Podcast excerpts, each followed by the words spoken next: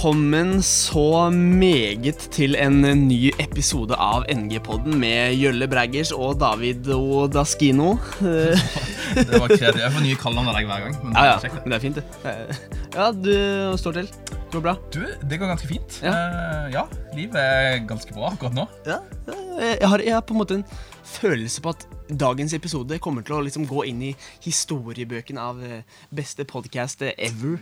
Eh, og det det er mange faktorer som fører til det, men eh, Så jeg har liksom på en, jeg har en følelse på at det her er, vi har noe godt i vente. Og Jeg kjenner på det samme der, altså. Jeg, ja, Ja. Jeg tror dette her blir veldig, veldig gøy, og en, uh, forhåpentligvis litt substans innimellom òg. Ja.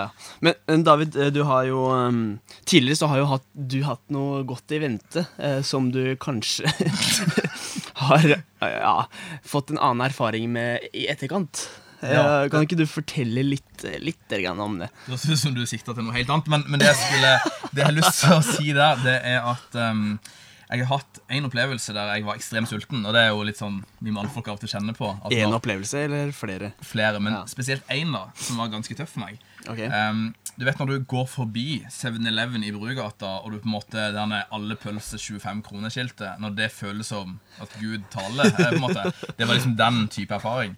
Eh, jeg tenkte at jeg må ha en pølse.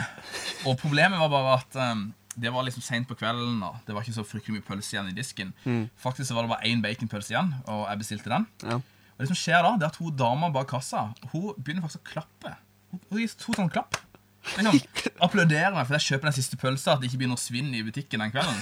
Og jeg skjønner da at her er det et eller annet som ikke stemmer med den pølsa. Sant? Hvis den pølsa, hvis hun blir så glad for å selge den, hva har hun gjort med den? liksom? Så når jeg tar et bit av den pølsa, så skjønner jeg hvorfor. Den pølsa den må ha ligget der siden før krigen.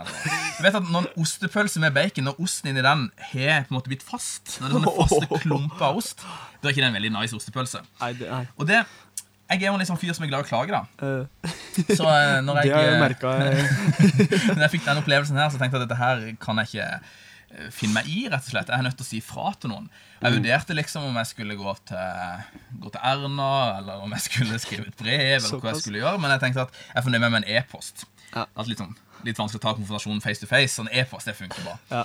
Og i fare for å virke som et eh, fryktelig nettroll, så skrev jeg en e-post den dagen som, som er litt flau over i etterkant. Men jeg skrev ordrett i en e-post at jeg spiste en pølse hos dere i går som jeg kunne ha dødd av. Og det er klart at Man kan dø av en gammel baconpølse, men stort sett så er ikke det konsekvensen. Men det som overraska meg ekstremt, da, det var liksom responsen på dette her. Okay. For det som skjer morgenen etterpå, er at jeg forsover meg til jobb. Det er jo ikke så hyggelig. Er det av pølsa? Det var nok pga. pølsa. Jeg, jeg, jeg skylder på den. Ja. Uh, og det som skjer er at det ringer en telefon, og så er jeg litt sånn i morgentåka og jeg har liksom ikke stått opp og tatt eh, et glass vann ennå. ikke sant? Jeg er ikke helt flying. Nei. Og det som skjer er at det er en fyr fra 7-Eleven i Norge som ringer meg. Liksom bare noen få åtte til ti timer etterpå jeg sendt denne mailen. Og så sier han at de skal gjøre det godt igjen. Om jeg kan komme tilbake fem på halv fem den ettermiddagen. Og vet at det her høres litt sykt ut, men det er en helt sann historie. Det som skjer når jeg kommer tilbake til 7-Eleven i Brugata fem på halv fem, det er at jeg eh, blir hilst på av butikksjefen der, og så sier han at det sitter en mann på bakrommet som vil snakke med meg om min pølseopplevelse. Så jeg går inn på bakrommet, og så sitter det en mann som sitter med en dressjakke på seg, eller i hvert fall en blazer, og så presenterer han seg og sier at han sitter i styret i 7-Eleven i Norge og har flydd fra Bergen til Oslo for å snakke med meg om min pølseopplevelse. Det er helt sykt. Og da tenkte jeg at hva i alle heiteste dager har jeg stelt i stand nå, liksom? Hvordan skal jeg gripe dette her videre? Og så skjønner jeg plutselig hvorfor det klokkeslettet er så eksakt. Fordi sånn, Noen få minutter etter jeg satte meg ned, så kom det inn ei dame med et brett med baconpølse. Så Der sitter meg og så sentralstyremedlem mellom 7-Eleven i Norge og spiser baconpølse sammen. Og ikke for å skryte, han klarte bare to, men jeg klarte det. Så det, det er ikke alltid at liksom, opplevelsene blir helt det man hadde tenkt. da Da, men da, da er du ganske keen på å liksom gjøre opp for deg, da? Når du flyr inn liksom sjefen fra Eller, ja. Jeg håper liksom at han var i Oslo en eller annen anledning. At det ikke var bare ens ærend for å snakke med meg. Eh, forhåpentligvis så var han i noen andre møter òg, men, men det er en litt sånn absurd opplevelse. Og det har ført til to ting, egentlig. Det ene er at jeg hver gang jeg kjører forbi den kiosken, så dukker jeg litt. grann. Jeg er litt så flau over å komme inn der. Og jeg har jo aldri vært på 7-Eleven i en overhodet, omtrent. Ikke i hele landet, liksom? Eller er det Og bare har, har, kanskje det, har kanskje det, men aldri i Brugata. Og så har det nok også ført at jeg har fortalt denne historien på noen seminarer og møter rundt forbi, så det blir litt sånn gratis markedsføring for noen tusen i dette landet her, som kanskje handler enda mer baconpølse for elevene før. Så denne historien er ikke sponset. Alle kommer dit. Alle kommer litt sånn seint på kvelden og håper at det skal være en sånn der eh, gammel pølse. Jeg, jeg fikk jo cola, så det var jo liksom Ja, det var, det var såpass. ganske, ganske. Så det var egentlig planlagt der. Det var nesten Ja, ja. Du, vi har eh, Vi skal ikke bare snakke om baconpølser i hele programmet her. Da tror jeg Da burde vi i hvert fall blitt sponsa, tenker jeg. Baconpodden. Eh, Baconpodden, ja.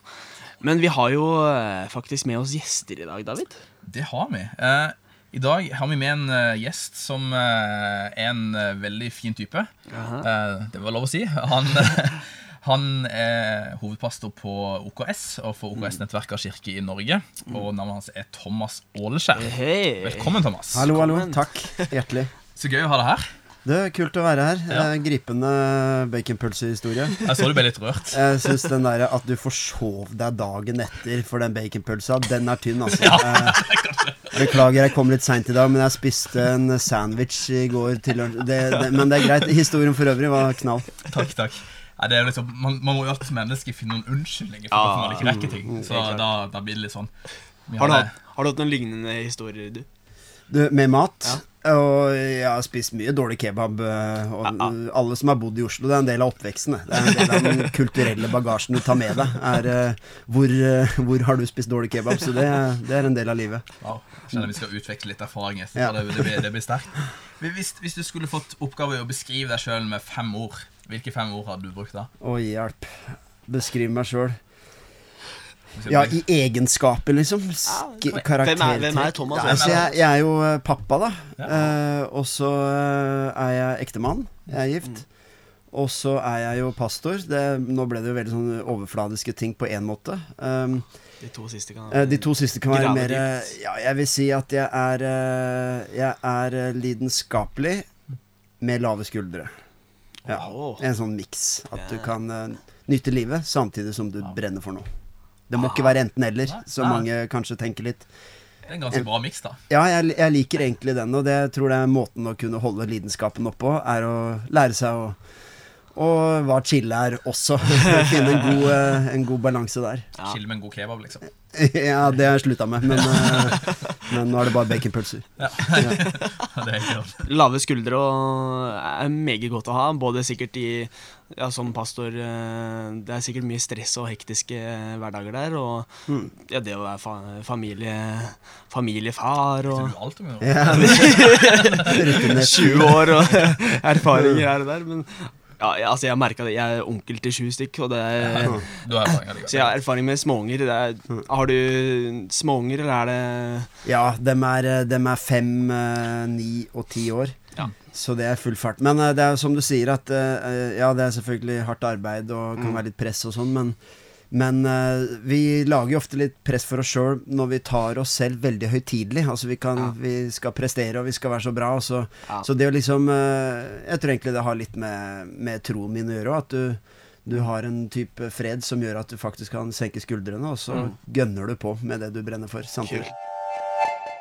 Det er jo sånn På alle skoler rundt forbi i Norge, og sikkert i andre land òg, så, så det er det alltid litt sånne rare ting som skjer når man sjøl har vært elev. Eh, vi, eh, ja, vi har allerede hørt noen historier på de tidligere episodene av podden her, og det kommer sikkert flere etter hvert òg. Jeg lurer litt på om Har du noen sånn opplevelse når du gikk på barne- og ungdomsskole der du tenker at Wow, dette her Dette her har bare skjært seg fast som en slags arr i sjela, eller et eller annet? Ja, jeg har egentlig mange. Eh, men det som er en del av dem har jeg lagd sjøl, da. De, Ja. epi, altså de situasjonene, mener jeg. Det var Ja, ikke, nei, I, ikke historien, liksom? Du har jo, ikke bare nei, jeg har ikke lagd historien. Historien er sann, men det var på en måte scener som jeg, jeg Hvis ikke det skjedde noe, så kunne jeg ordne det sjøl. Okay. Eh, så det er én ting. Det er litt sånn absurd, eh, litt sånn snål sak, men, men eh, litt morsomt òg. Som eh, Det var rett og slett sånn på vei hjem fra skolen hver dag, så gikk vi forbi et bakeri, og der jobba det tre-fire ganske voksne damer samme hver dag. Eh, og der, eh, der eh, Jeg ble inspirert av en annen som hadde samme idé, så der begynte jeg rett og slett å tryne hver dag når jeg gikk forbi. Så jeg bare tryna, liksom. Eh, Og det I starten så, så var det Det er jo veldig awkward og en eh, spesiell ting å gjøre, men det ble rett og slett et av høydepunktene i skolehverdagen min. For jeg tryner, og de rusher jo til, og går det bra med deg, altså. Etter hvert, da, etter noen uker, så ser du de her eh, bake, bakeriansatte står og hvisker til hverandre 'Det der skjer hver eneste dag'. Det er noe gærent med. Så eh, det var mye morsomt med det. Så det er, hvis du kjeder deg, så er det å, det å rett og slett falle Det skaper en slags scene som eh, Så jeg har mange, mange gode minner fra det. Men, men eh, fikk du liksom Fikk du en bolle da når du falt? Jeg fikk ikke en dritt. Hæ? Ja, jeg veit. Jeg hadde fortjent, eh, fortjent eh, et skolebrød eller et eller annet, det syns jeg. Men eh, Så bare trøst du fikk? Du, i starten fikk jeg det. Etter hvert fikk jeg bare hvisking og tisking og uh, vantro blikk og himling med øya. Ingen som Eh, kom ut etter deg og bare så Nei. en liten gutt bare lå Men andre folk gjorde det på senteret, da. eh, Så det er jo, det er jo sikkert dårlig gjort òg, mot en som kanskje en plutselig detter på ekte en gang. Og så, så det blir jo litt sånn Men for meg var det, var det et gripende øyeblikk eh, i min skolehverdag. Ja. Det blir sånn der ulv-ulv-historie, Ja, kan man si. Ja. Men jeg kan ta Det var, det var også en Jeg har fortalt den en del ganger offentlig òg, da. Men, eh, men jeg gikk jo på en eh, skole med veldig mange multikulturelle, altså mange etnisiteter. Og jeg hadde i klassen min hadde jeg seks eller syv vietnamesere. Okay. Og det husker jeg veldig godt i starten. eh, en av de første skoledagene. Vi hadde navneopprop. Eh, så husker jeg da hvordan De har jo ofte veldig lange navn. Eh, Så han skulle, de skulle si hva de het, og så var det en som sier at ja, jeg heter uh, Kwang Kang Ding Dong Dang Ding, men dere kan bare kalle meg Kwang. Og så var nestemann jeg heter Wu Fu Fi Fang Kong men dere kan bare kalle meg Wu. Og så, kom, sann historie, så er det en kar som, eh, som har de har både norsk og vietnamesisk navn. Så han sier jeg heter egentlig Erik, men dere kan kalle meg Fi Fi Fang Fang Fang Fang Fang Fang. Den husker jeg godt. Ja, det er veldig, veldig nydelig. Jeg kjenner litt eh, får lyst til liksom å reise Europa rundt med Thomas og ta en sånn skjult kamera der du faller rundt forbi, for å se, se liksom hvor får du best behandling, hvilke folkeslag og hvilke, hvilke mennesker er det som tar mest vare på deg i sånne situasjoner. Det, det har vært eh, Vi lagde skjult kamera til et julebord en gang på, i kirka med de ansatte. Og jeg hadde sånn helt absurd pastorsamtale med Ga helt sprø tilbakemeldinger med skjult kamera, og så viste vi det på julebord. Så vi kan finne på noe der en gang. Åh, kult. Veldig spennende. forlenging. Ja, du, dette, dette er veldig gøy. Du, når, vi, når vi er inne på si, oppvekst og uh, skolegang og sånt, så, um, så, uh, så er det sånn at du har jo gått på skole sjøl Det har jeg. i, i, i noen år. Utrolig nok. ja, det, det var dine ord. Men uh, det, da er det sånn at på, um, på skolen, da, hvordan, hvordan var Thomas som 13-åring? Mm. Om du beskriver deg sjøl da? Hva var jeg, viktig for deg? jeg var nok uh, på mange måter noe av den jeg er i dag også. Men eh, eh, ja, jeg var allerede da veldig engasjert i eh, troa og med Jesus. Det var en kjempestor del av livet. Eh, jeg likte nok liksom humor og, og ha det gøy og gjøre forskjellige ting. Men akkurat Du sa 13 år, var det det du sa? Ja, cirka det. Ja. Jeg hadde, Da jeg var sånn 14-15, da hadde jeg det nok ikke så bra. Eh, Så av de snart 40 åra jeg har levd, så var nok akkurat sånn 15 år var Det var på slutten av ungdomsskolen, og da var, da var det ganske tøft, faktisk. En periode. Men uh, ikke noe sånn Sikkert mange som har hatt det veldig mye tøffere enn meg. Men, uh, men da Det som skjedde da, var nok kanskje en periode at um, uh, At man trekker seg litt inn, da. Sånn at den man egentlig er, og man liker å være på en måte og, og si visse ting, eller Ja, man, man liker å uttrykke seg, da. Også når man, eh, når man blir litt pressa og, og litt uh, mobbing i en situasjon hvor jeg var den eneste kristne i en, med veldig, veldig mange uh, ulike religioner, men uh, nesten ingen kristne. Så skjedde nok det at jeg trakk meg litt inn, ble litt stille, ble litt innadvendt. Og det kan skje i perioder, det. Men, men ellers hadde jeg det ganske bra, så jeg må si, må si det. Det er. Fordi du er jo Du er oppvokst i et kristent hjem, Mm. og har liksom troa vært vært noe Ja, familien har Altså, faren din har, har vært pastor i, Mm. i OKS, som du har tatt over eh, Mm. nå etter hvert. Eh, men eh, hvordan har det vært, har det vært å liksom vokse opp i et kristent hjem, og har du liksom følt at du har blitt backa? Mm. Ja, spesielt i den tida du hadde det Følte at du trakk deg litt inn, da. Hvordan Ja, nå, nå er det Ja, jeg ble backa, men det er, det er klart, når du er 14-15 år og har det litt uh, kjipt og trekker deg litt inn, så er det, det Det krever litt å gå hjem og si 'Hei, mamma, jeg har Ja. det litt tøft om dagen. Kan vi snakke om hva jeg føler rundt det?' Du, du, du gjør ikke det, da. Så, så det kan nok hende at uh, de uh, kanskje ikke så alltid hva som skjedde heller. Eh, men eh, å vokse opp i den familien har vært helt supert. Eh, mamma og pappa har vært fantastiske. Men eh, det var også mye Det var mange tøffe tider der òg, for jeg hadde to brødre som eh, gikk en helt annen vei. Som eh, gikk ganske langt bort eh, fra Gud og levde ganske røffe liv. Og det prega jo selvfølgelig de åra litt eh, ganske mye, da. Så jeg ba masse for dem, og så ble jeg på en måte den litt sånn eh, Litt sånn eh, Ikke englebarnet, det, det er ikke for Men mamma skrev en bok som heter 'Når englebarna mister vingene'. Som handler om mine brødre, da. Og så har jeg sagt at eh, min bok skal hete 'Når det ene englebarnet flyr høyere enn noen trodde var mulig', men det er bare en, en. Men eh, nei, så jeg, jeg var nok Jeg hadde ikke behovet for det opprøret og, og liksom gå en helt annen vei. Eh, men jeg fant min plass i, i de åra. Det, det tøffeste gikk over, og Gud var vanvittig i ettertid. Så ser jeg hvor mye som skjedde i meg, og gjennom, gjennom de tøffe tidene, da, så har man fått muskler som man kanskje ikke hadde hatt ellers. Så i dag ville jeg nesten Ja, eh, det er feil å si at jeg ville at alt skulle skjedd på nytt på samme måte, men, eh, men eh, mye av det er med å vokse en som menneske. Ja, det er jo sant. Og det er jo ja, ulike, ulike faktorer som gjør, gjør at man blir en ja, Mm. sånn person som man er. Ja. Eh, og eh, akkurat ditt tilfelle kan jo sikkert mange av ungdommene eh, som hører på podkasten her og rundt om på skolen i Norge, kjenne seg igjen i. Mm. At man kanskje er den, den eneste kristne på skolen. Eh, føler at man liksom blir pressa litt inn i seg sjøl. Mm. Og ja, altså du sa at du, det kanskje ikke var det letteste å, å, og gå, til, gå hjem og snakke om det. Mm. Hvor liksom fikk du Fikk du styrke og energi fra til å Ja, til nå- å gå videre, liksom? Ne, eh, det er jo sånn eh, Jeg hadde jo faktisk ganske Jeg hadde jo gode venner i kirka, da. Ja. Uh, heldigvis. Um, så det er, jo, det er jo litt sånn vi egentlig prøver å lære unge mennesker at uh, man skal ikke bare ha venner i kirka. Eh, du må liksom få, få uh, bygge broer med folk der ute og være Ja. med på ulike steder. Men jeg tror kanskje i en periode for det kan jo være litt ulike perioder i livet. Så jeg tror nok akkurat i den perioden så var det å ha gode kristne kompiser, det var veldig viktig for meg.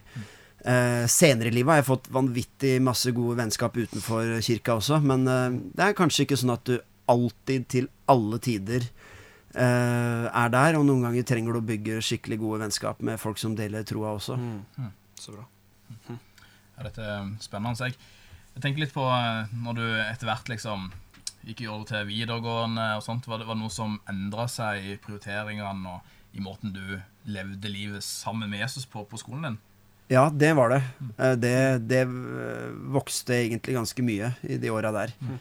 Um, så det, litt, det er litt sånn jeg har tro på, da, at, um, at ting uh, utvikler seg alltid over tid. Uh, det er litt sånn uh, Jeg sier det viktigste er ikke din tilstand, men din retning. Ja. Altså, eh, og det gjelder både livet i Gud og med egentlig alt mulig, åssen du har det også. Så det viktigste er ikke hvordan ting er akkurat nå, men eh, hvilken vei går det, da. Uh, og når ting går rett vei uh, Brukt bildet med liksom den Du har den bortkomne sønnen, ikke sant, som er langt, langt, langt borte fra hjemmet sitt og faren sin.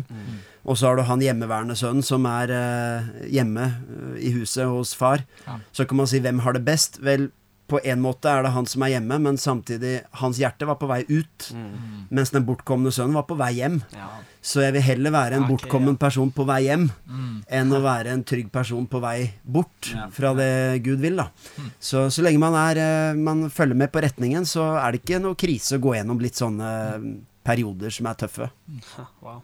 Hvordan uttrykte du på en måte til venner og folk rundt i klassen din at eh, Jesus. Det, det er det jeg Ja, det står for i livet. Jo, veit du hva. Eh, På barneskolen, da var jeg nok en eh, Hva skal man eh, Uff, åssen skal jeg kalle dette her?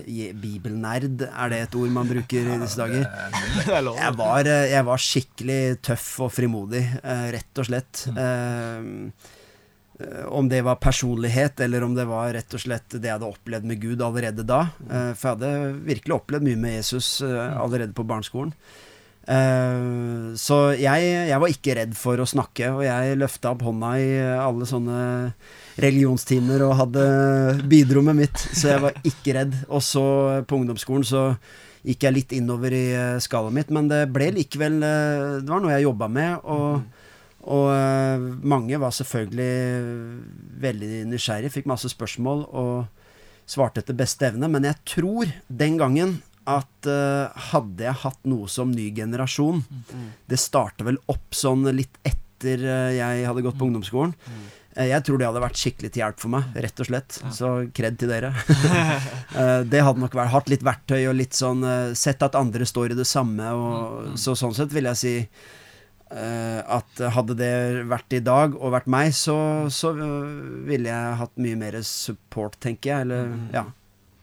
Det er noe av det som jeg er bitte litt imponert over når jeg har truffet ungdommer som eh, selvfølgelig andre har vært med og leda òg, men som du som hovedpastor har eh, ja, hatt et ansvar for og med å lede.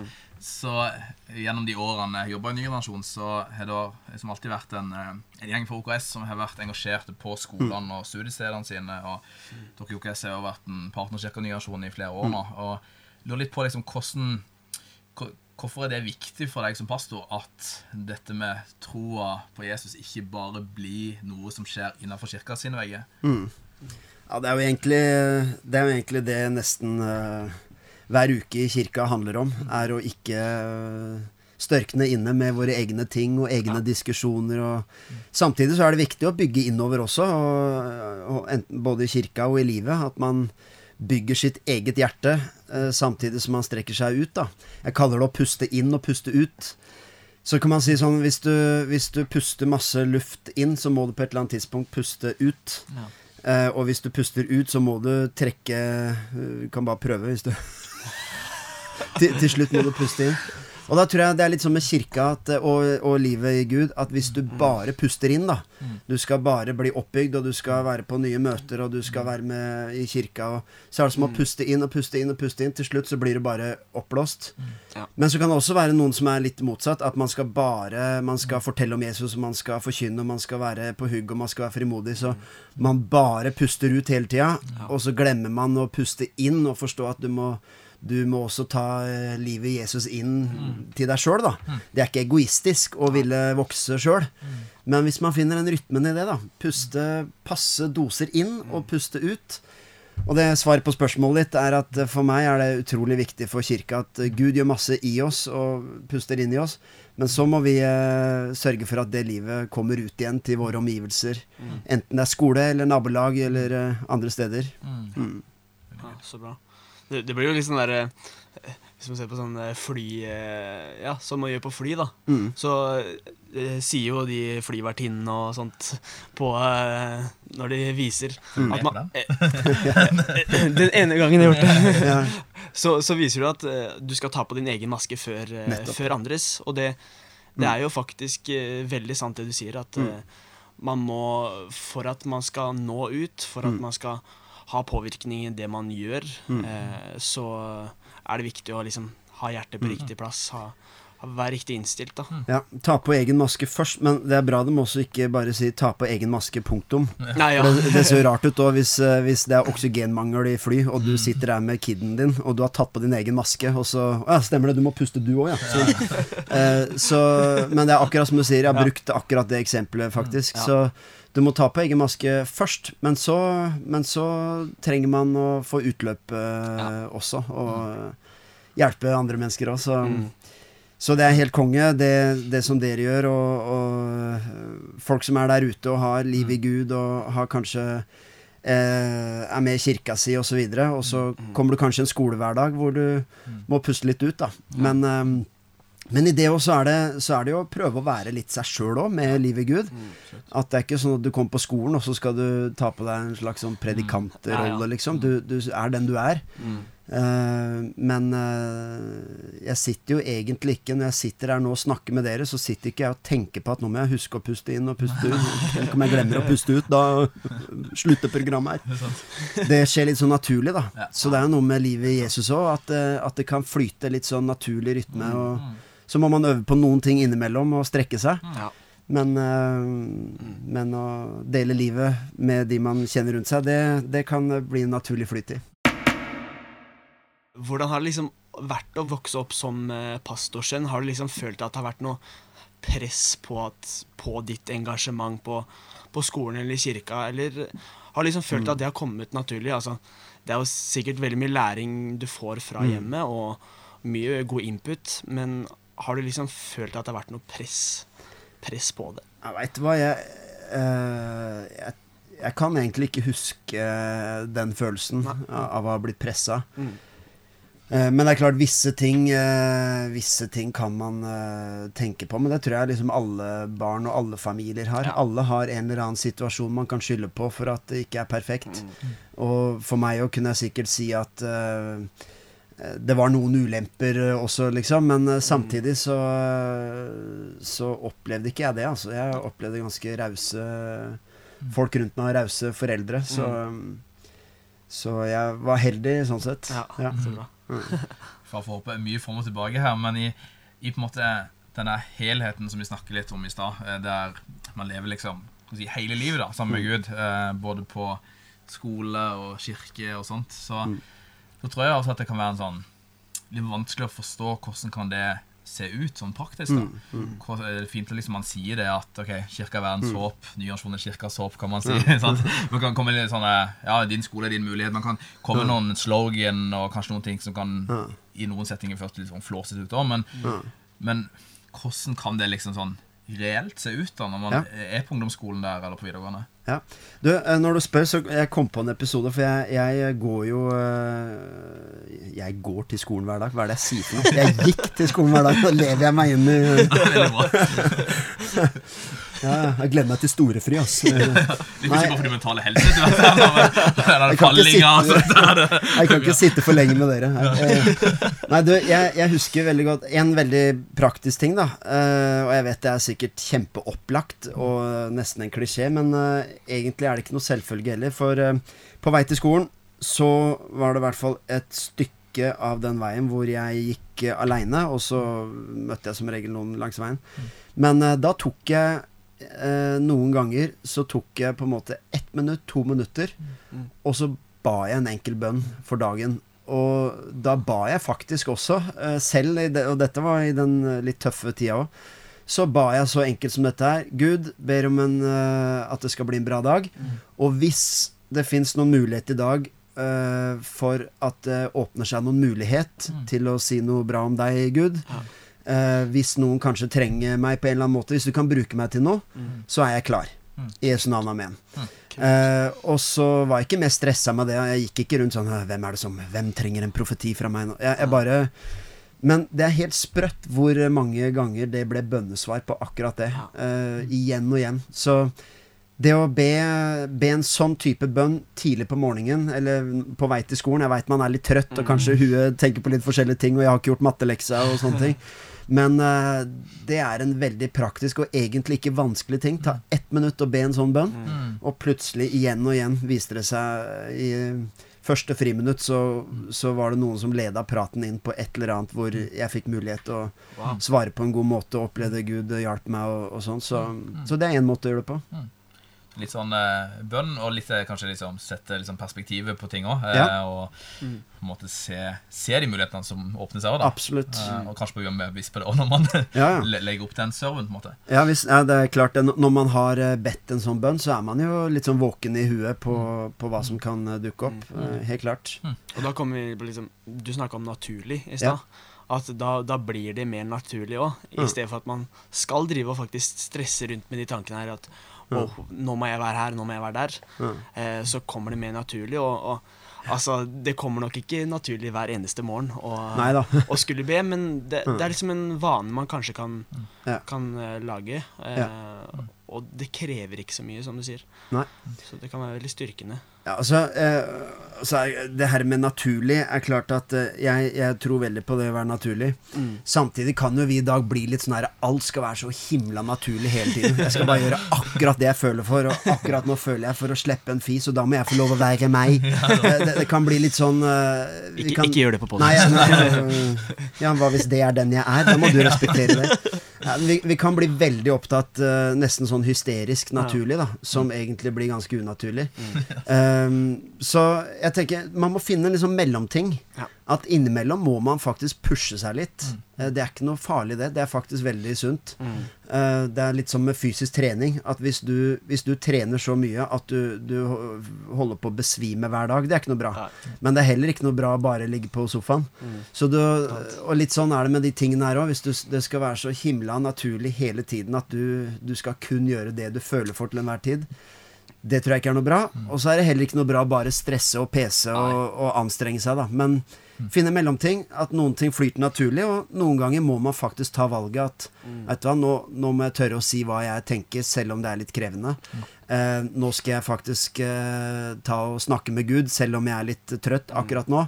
Eh, noen ganger må man ta sånne valg og pushe seg sånn passe. Så finne en eh, rytme i det som flyter. Spalte!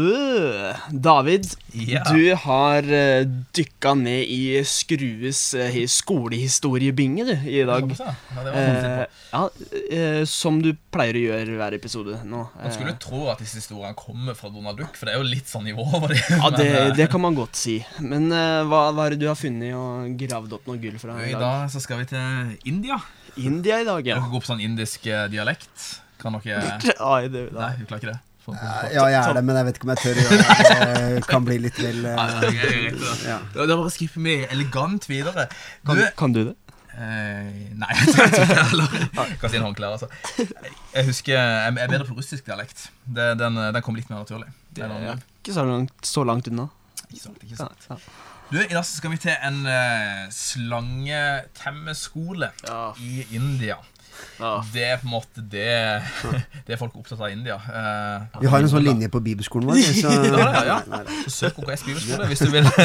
Ja, altså, da kan det være liksom, det kommer ti søknader neste år her, men folk bare Hvor er, Hvor er som ikke Praksisturer. Ja. Veldig gøy.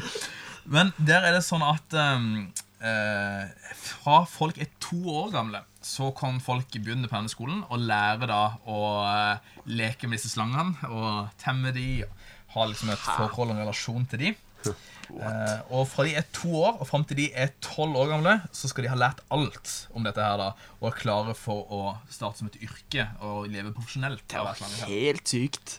Hvordan er ditt forhold til slanger? Jeg hater slanger. Det er det verste jeg veit om. Det er sånn eh, Hvis jeg noen gang skal forlove meg, og vi har sånn utdrikningslag eller noe, da er slanger Det er, det er no go. Da gifter jeg meg Nå gir du tips til alle Jeg skal ta og notere dette ned. Jeg, lurer, jeg lurer på åssen- åssen får de prøver, da? Hvis du er slangetemmeskole. Hva hvis du stryker på prøva? Jeg ble bitt, sorry. Du Ja, det er jo sånn, det er noe risiko der. Og så er det sånn, hvilken type slange øver man med? Hvilken Ja. type slange er det som en del av Får man liksom erfaring med sånn tusen forskjellige typer? Eh, Starter med sånne Brio-plastslanger. Det er liksom Det er ordentlige slanger. det, det er jo litt det. Husker, sånn, I Norge har vi ikke så mange slanger, sant? det er jeg husker det det verste jeg Jeg husker da jeg var liten, så, så hadde jeg en, eh, hadde jeg en hobby av å samle på meitemark. Så jeg samla liksom på meitemark, så la de i skuffen sammen hvem, med hvem er du, da? Ja, det, det kommer fra rett person her, dette. Um, og, og da var det liksom Sammen i sokkeskuffa da Så var det liksom masse typer meitemark. Og det, det jeg tidlig forsto, var at i Norge så er det ikke bare én type meitemark, men det er 16 typer meitemark. Gotta catch them all. Sant? Så det, det, det er noe med det. Og kanskje liksom med slangeskolen her òg, at det er liksom utrolig ulike liksom egenskaper, og kanskje de ser annerledes ut. Og Du har litt lyst til å begynne der, du. Ja, det er jeg kjenner litt på det. altså Det har vært litt gøy å ha Men sånn jeg skal, jeg skal bare love deg, meitemark og slanger er ikke det samme. Det, Jeg tror det er litt samme nei, ikke i det hele tatt. Nei, Så ikke redd som meitemark. Meitemark det, det har jeg oppvokst Jeg har oppvokst på gård, så eh, meitemark finner jeg overalt, og i senga og overalt. Men uh, hoggorm, det har jeg alltid jakta på. Det er kanskje ikke lov å si uh, det året her, men eh, Det er vel kanskje ikke helt lovlig heller, for så vidt. Det som eh, er litt, eh, litt sykt på denne skolen, da, er jo kanskje at man fremdeles er litt sånn kjønnsdelte rolle på denne skolen. Så mens guttene de får lov til å øve med fløyte, så eh, må jentene da øve på hvordan de liksom steller disse slangene, sånn at guttene etterpå kan, kan fløyte med dem. Men jeg tenker kanskje at risikoen er vel så stor for jentene i den settinga så, som guttene. da, Ja, ja. De skal holde på med det. Er dette en skole du vil anbefale for dine barn, Thomas? Å ta et år? Du, det spørs åssen humør jeg er i, da. Men, eh, kanskje på visse dager så kunne jeg sagt eh, Du, jeg har en skole i India som du kan Du kan fly allerede, liksom. Det- Nei, Jeg tror kanskje ikke det er noe for, eh, for dem, altså, men, eh, men eh, interessant konsept. da Veldig interessant konsept. I dag er det så mye iPad-læring og sånn òg, så jeg vet ikke åssen de, hvordan de klarer å mikse det inn i slangetemmerskolen. Det kan jo være at det ikke er før de er ferdig utlært at de faktisk får holde en slange på ordentlig. Kanskje bare en iPad-læring. Digitale slanger. i- Ja. Snake. Snake. Det var Det er egentlig mitt forhold til slanger. Det er liksom Snake for Nokia 3310 i. Det var, det var tida. Det er vel det er, kanskje Det er altså ikke det er altså ikke en smarttelefon, ungdommer. Det, er, det var en liten sånn strek som, eh, som skulle symbolisere en slange. da Som skulle spise litt sånn mat som dukka opp og forsvant etter Jeg kan kasta bort mye av livet mitt på Snake. Ah. Det har jeg faktisk. Ja.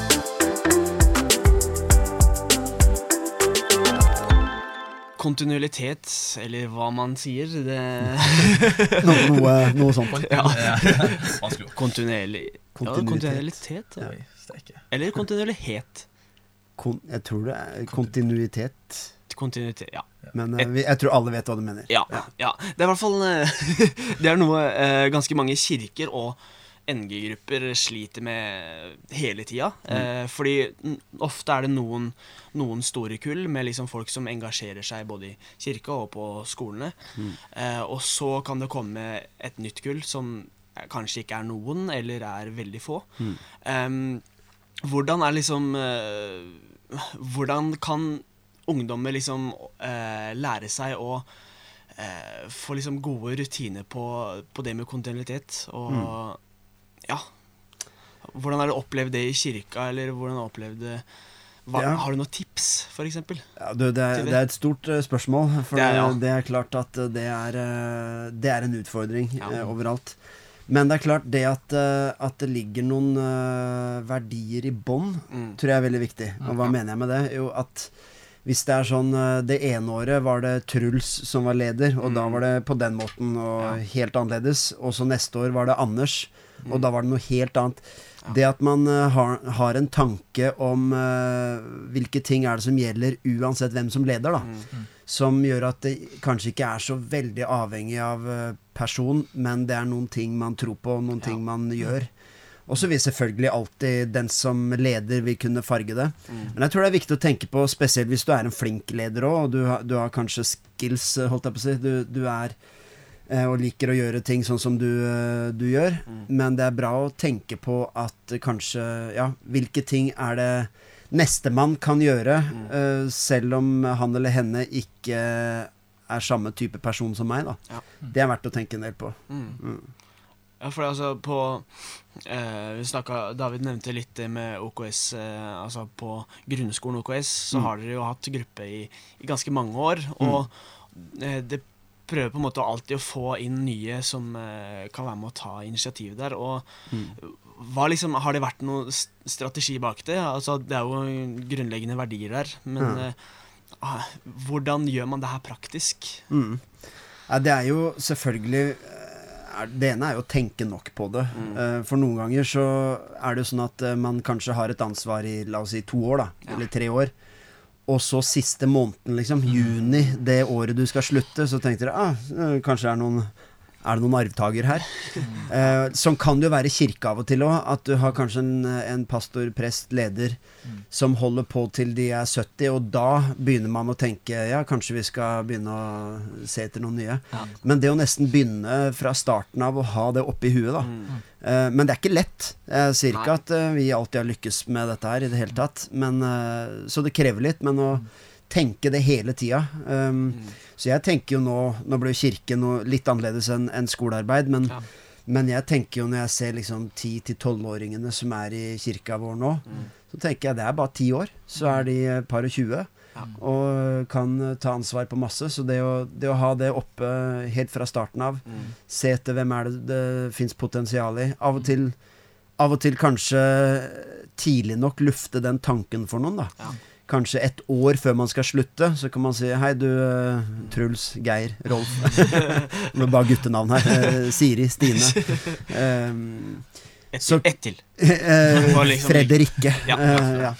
Så kan, man, så kan man kanskje si en god stund før man skal slutte Du, du veit det er ett år til, så, så skal jeg gi meg, men du kan jo ha i bakhuet om, eh, om dette er noe du har lyst til å gjøre en gang. Mm. For av og til så fins det mange ledere som bare trenger litt tid på seg. Ja. Så hvis man spør dem med to ukers varsel, så, så blir det for overveldende. Men hvis de har fått et år på liksom tygge litt på det, så kanskje av og til eh, kan Gud virke fram ting litt over tid òg. Det, er ikke- det er ikke bare sånn at Gud snakker på et øyeblikk eh, med en stemme fra skyen og sånne ting. Noen ganger så, så eh, er det noe som vokser fram i hjertet. Så det tar tid, og er ikke lett, men men eh, hvis man gjør det, så er det fullt mulig å, å få fram nye ledere.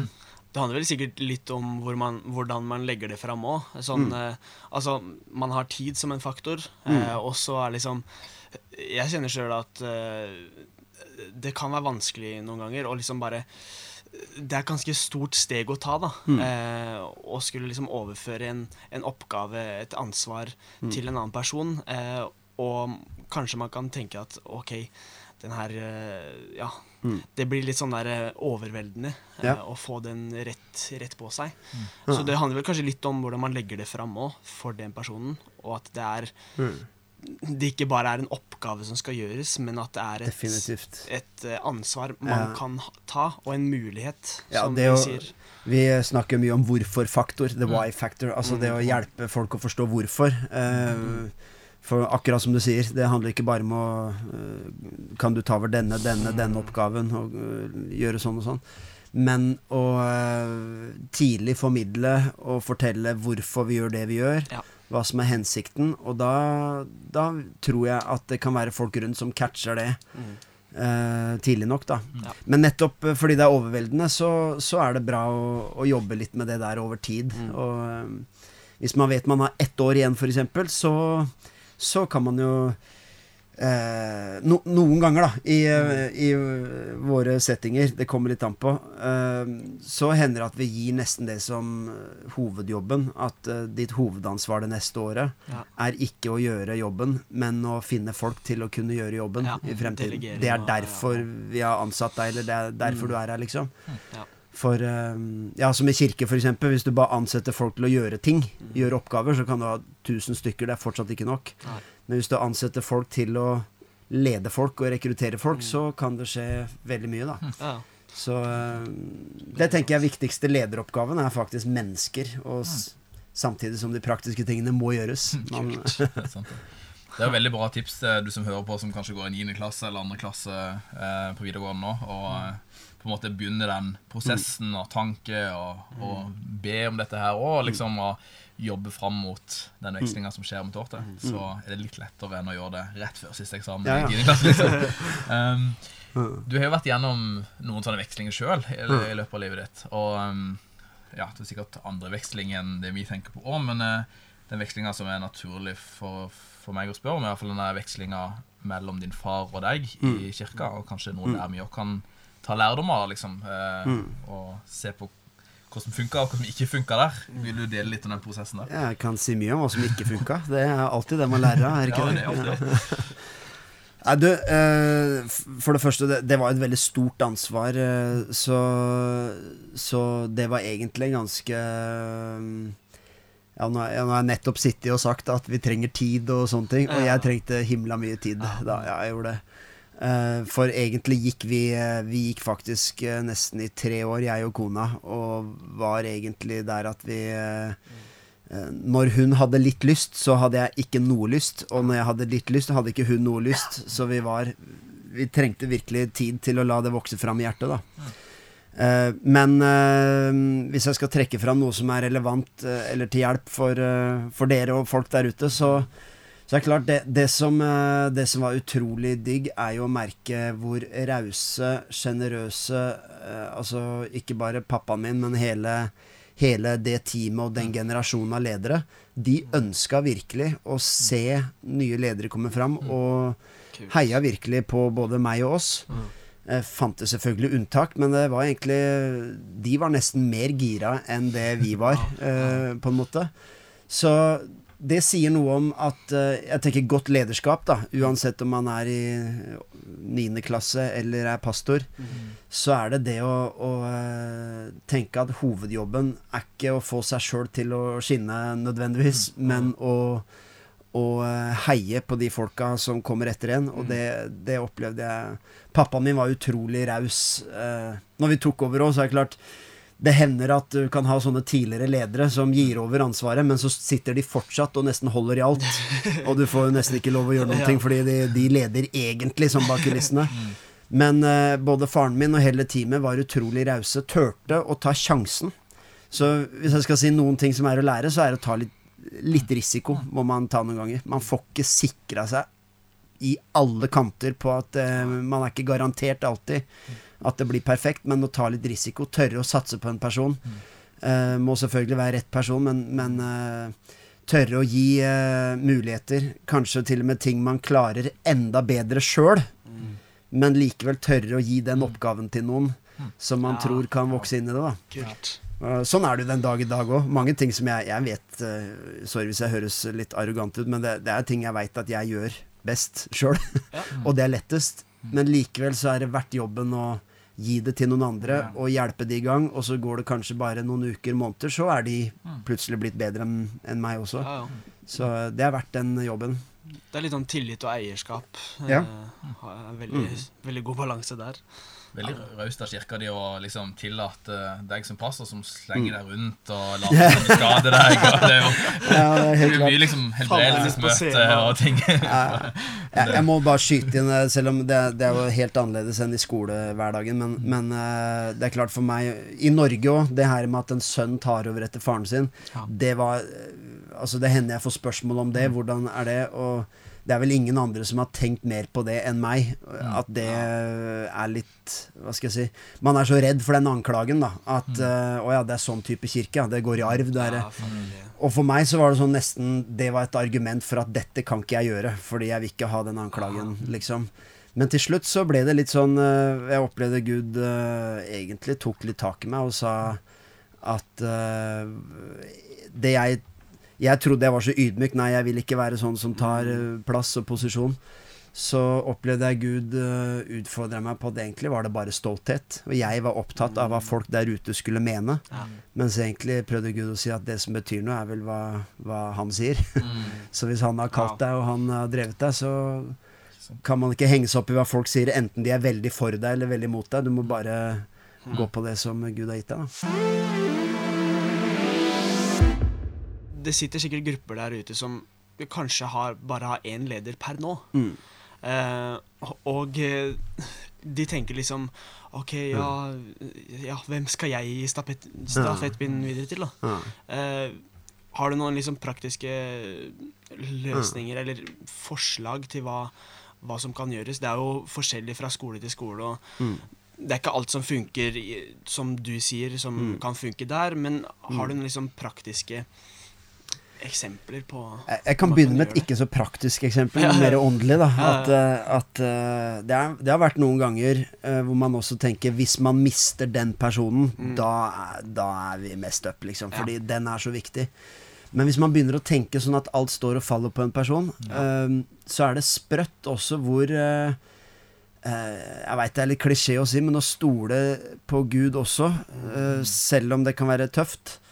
Men å tro Gud for at han skal hjelpe oss å finne noen. I Det gamle testamentet er det en historie også om en profet som, eh, som står og klager til Gud, for han er helt oppgitt med at det er ingen profeter igjen, det er bare meg. Det er helt tomt. Men så har Gud liksom gjemt bort eh, det, det fantes fortsatt noen hundre profeter et sted liksom, som han ikke visste om. da Så det å tørre å tenke at Gud har folk som du kanskje ikke har oppdaga ennå. også, Du spurte om noe praktisk. Jeg vet det kanskje ikke er så praktisk, men, eh, men å tørre å tenke at eh, Så der også, å tørre å ta Gud litt med på planene. Mm. Og, og så fins det, det ofte folk, selv om man ikke har sett dem med en gang. Mm. Men rent praktisk eh, Nei, der er jeg helt tom. Det er, Ja, men altså det, ja, det, det må jo ikke være praktisk heller. Det, kan, det er liksom bare det at det kan være til inspirasjon for, mm. for de der ute som faktisk er aleine. Og det Ja. kan være litt vanskelig, men uh, ja. Altså, og så veit man jo man, man ser jo aldri ordentlig om noen er en leder før de, før de får prøvd seg litt, da. Mm. Så jeg, det også er sånn sikkert kjempetypisk ting å si, men jeg tror på det helt uh, av hele hjertet. Og det er, altså Bibelen sier 'den som er trofast i smått, skal bli satt over stort'. Og jeg tror at måten vi håndterer uh, Hva skal jeg si En bolleutdeling, eller eh, printe ut et ark Altså Ja. måten vi tar sånne små ting Det er det samme hjertet i hvordan vi gjør store ting. da Ja. Så selv om jeg i dag har et stort ansvar i hverdagen, så er det jo liksom Man kan merke at jo, men hjertet er det samme også da jeg drev og flytta stoler og støvsugde i hovedsalen vår, liksom. Ja. Så det å tørre å gi folk eh, Hvis man står alene som leder, så kan man bli sånn frustrert, for man leiter etter noen som, har, som er ferdig, og som har akkurat det jeg har, liksom. Eller som kan gå rett inn i oppgaven. Men å tørre eh, Det krever litt jobb, men å tørre likevel å gjøre det. Og gi folk noen små oppgaver. Ja. Eh, la de vokse inn i det, og så, og så ser man hvordan det strekker og strekker. Så, så Jeg hørte en gang når, når noen sa 'don't blame them, but train them'. For du kan stå der og skylde litt på folk. men Det er ingen som tar ansvaret. Ingen som, don't blame them, train them.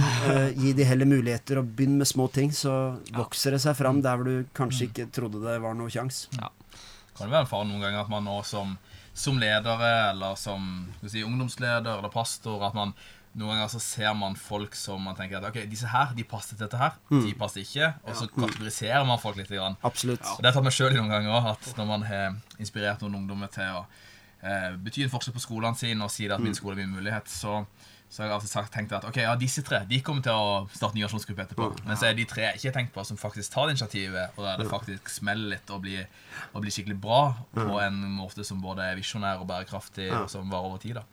Så eh, Det er ganske kult. En, en som var ungdomspastor hos oss i syv år, han, eh, når han begynte å gå på ungdomsmøtene eh, hos oss, så var han så nervøs og så redd. Han sa ikke ett ord. Og han likte helst å sitte hjemme og se på film eh, enn å gå der hvor det, det var så stort og så skremmende og, og alt mulig sånn.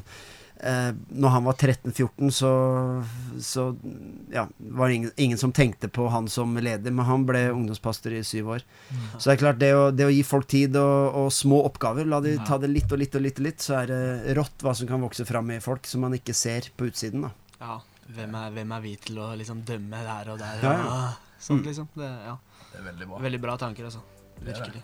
Jeg lurer på om skal det bli siste ord for i dag. Jeg syns egentlig vi har fått noen eh, gode tips fra doktor og apostel, eh, evangelist eh, Thomas Slang, Lanskjær. slangetennis. Slangetemmer, ikke minst. Så det har vært veldig, veldig bra. Um, tusen takk for at du hørte på podkasten i dag. Og eh, tusen takk til Thomas Åleskjær for at du var vår gjest. Og så fram til neste gang vi ses, så går det an å sjekke sosiale medier. Og du kan også starte en nyasjonsgruppe på nyasjon.no. Og der finnes også flere tips til hvordan du kan gjøre denne stafettvekslinga hvis du er i behov av å gjøre det. Så husk på at din skole er din mulighet, og God bless you.